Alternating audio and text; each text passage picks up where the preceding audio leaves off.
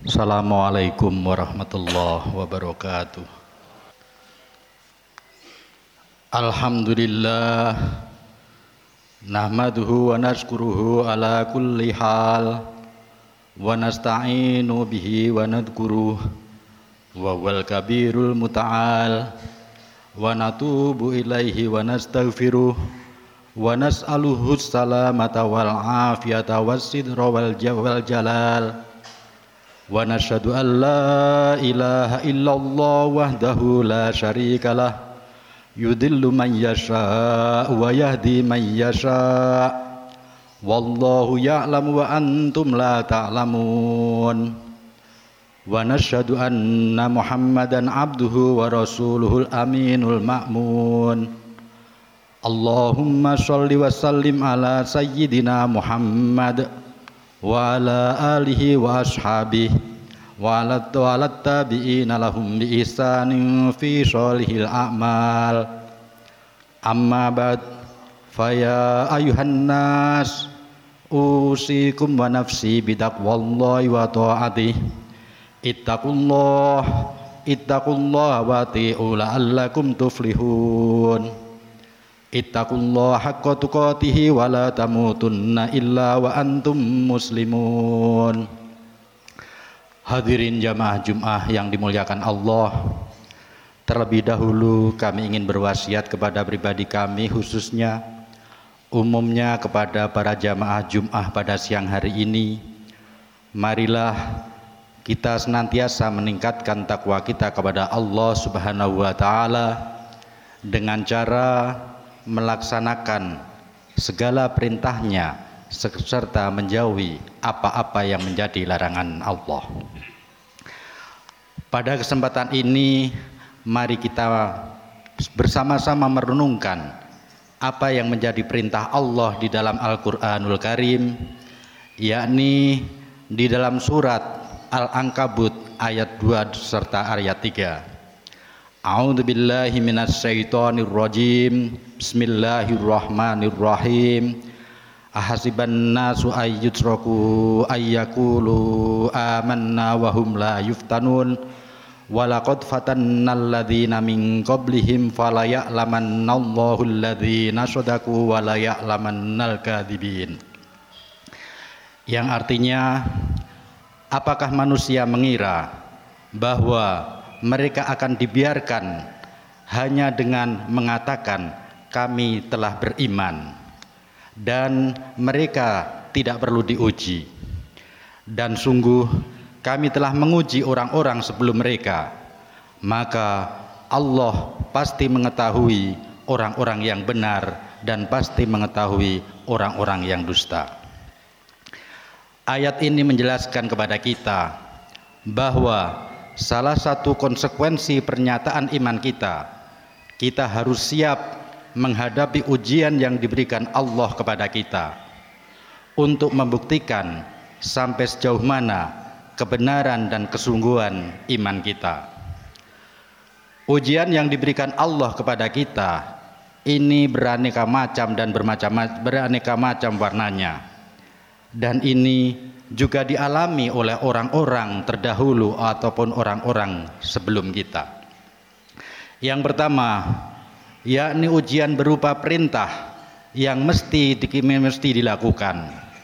Seperti firman Allah dalam surat As-Saffat ayat 102.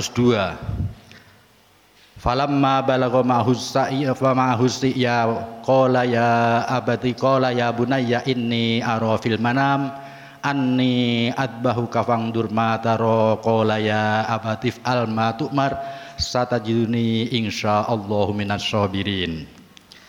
Intinya perintah supaya Nabi Ibrahim untuk menyembelih putranya yakni Nabi Ismail yang mana Nabi Ismail adalah putra yang begitu dicintainya. Ini perintah yang sangat berat dan harus dilakukan. Namun kualitas iman daripada Nabi Ibrahim tetap kokoh dan tahan uji. Perintah Allah dilaksanakan dengan tabah dan sabar karena ini merupakan dan ini merupakan pelajaran yang sangat berharga karena banyak perintah-perintah Allah kepada kita yang kelihatannya bagi kita adalah juga sangat-sangat berat yakni seperti sholat, puasa, ataupun mengeluarkan zakat dan berkorban bagi yang mampu. Namun terkadang masih ada yang merasa bahwa itu adalah ujian yang berat dan merasa bahwa dirinya tidak mampu untuk berbagai dengan berbagai alasan. Ujian yang nomor dua yakni ujian yang berupa larangan yang harus kita tinggalkan seperti terung, seperti tersirat dalam surat Yusuf ayat 23 dan 24 yang mana Nabi Yusuf diuji dengan perempuan yang sangat cantik perempuan istri pembesar di daerah Mesir yang mengajak untuk berbuat tidak senonoh ataupun melakukan hubungan ataupun melakukan zina.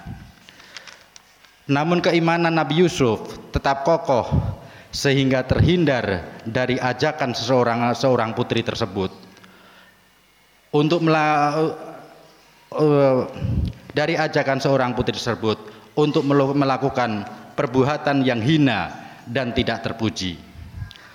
Perbuatan Nabi Yusuf ini patut kita teladani, terutama para remaja-remaja yakni meskipun ada kesempatan dan kemauan tapi itu larangan Allah maka harus ditinggalkan apalagi melihat perkembangan zaman sekarang ini cobaan-cobaan Allah semakin beraneka warna.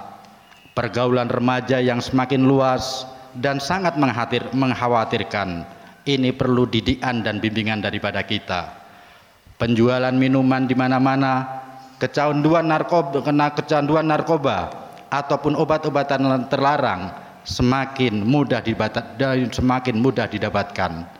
Ini semua merupakan ujian dari Allah Subhanahu wa taala.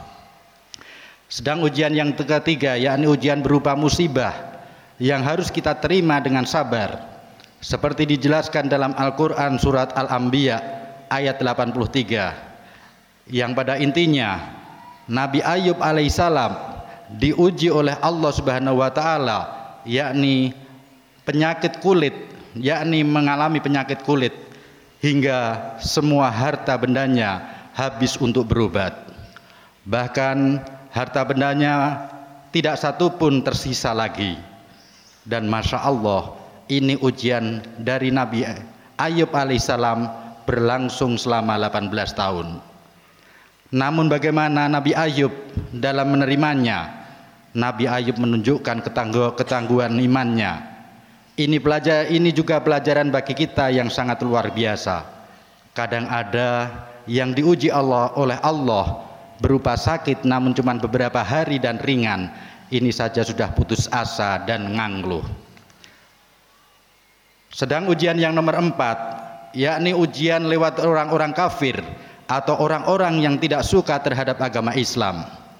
Hal ini seperti yang dialami oleh junjungan kita Nabi Agung Muhammad sallallahu alaihi wasallam.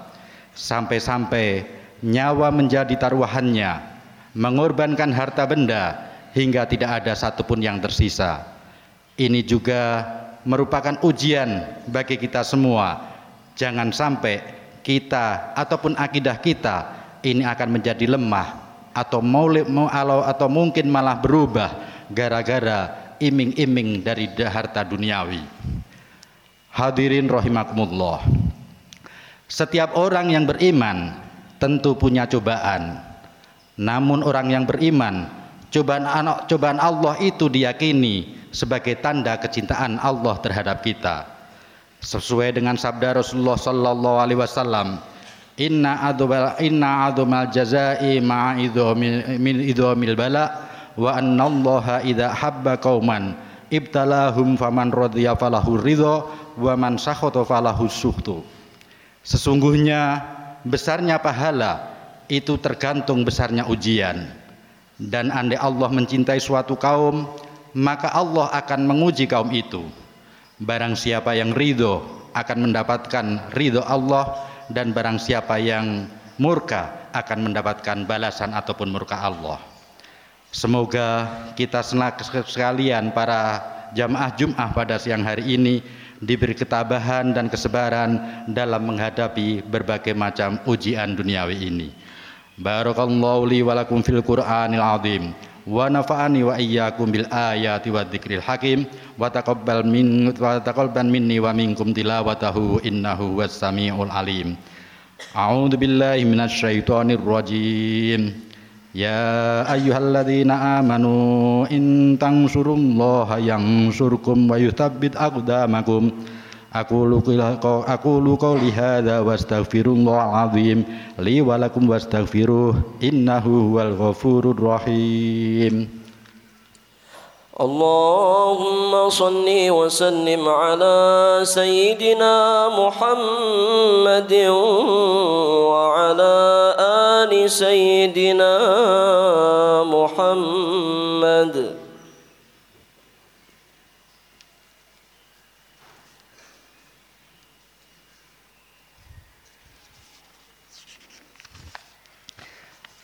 Alhamdulillah Alhamdulillahi hamdan katsiran kama amar. Asyhadu an la ilaha illallah wahdahu la syarikalah. Irghaman liman jahada bihi wa kafar. Wa asyhadu anna sayyidana Muhammadan abduhu wa rasuluh wa habibuh wa khaliluh sayyidil insani wal bashar wa sayyidil insi wal bashar. Allahumma shalli wa sallim wa barik ala sayyidina Muhammad wa ala alihi wa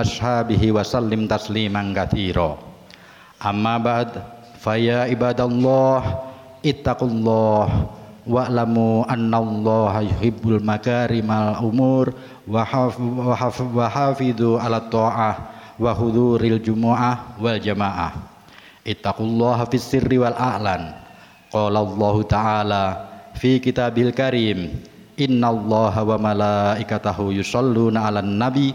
Ya ayyuhalladzina amanu shollu 'alaihi wa taslimu taslima. Allahumma sholli wa sallim wa barik ala sayyidina Muhammad wa ala ali sayyidina Muhammad kama shallaita ala sayyidina Ibrahim wa ala ali sayyidina Ibrahim. Fil alamin innaka Hamidum Majid. Allahumma ighfir lil mu'minina wal mu'minat wal muslimina wal muslimat al ahya'i minhum wal amwat. Innaka sami'un qaribun mujibud da'wat. Ya qadiyal hajat. Rabbana la tuzigh qulubana ba'da idh hadaitana wa hab lana min ladunka rahmah innaka antal wahhab. Rabbana hab lana min azwajina wa dhurriyyatina qurrata a'yun waj'alna lil muttaqina imama. Rabbana atina fid dunya hasanah wa fil akhirati hasanah wa qina adzabannar Ibadallah Inna Allah ya'muru bil adli wal ihsani wa ita idil kurba wa yanha anil faksha'i wal munkari wal bagyi. Ya'idukum la'allakum tadhakkarun fadhkurullahal azim yadhkurkum washkuruhu ala ni'amihi yazidkum wa la akbar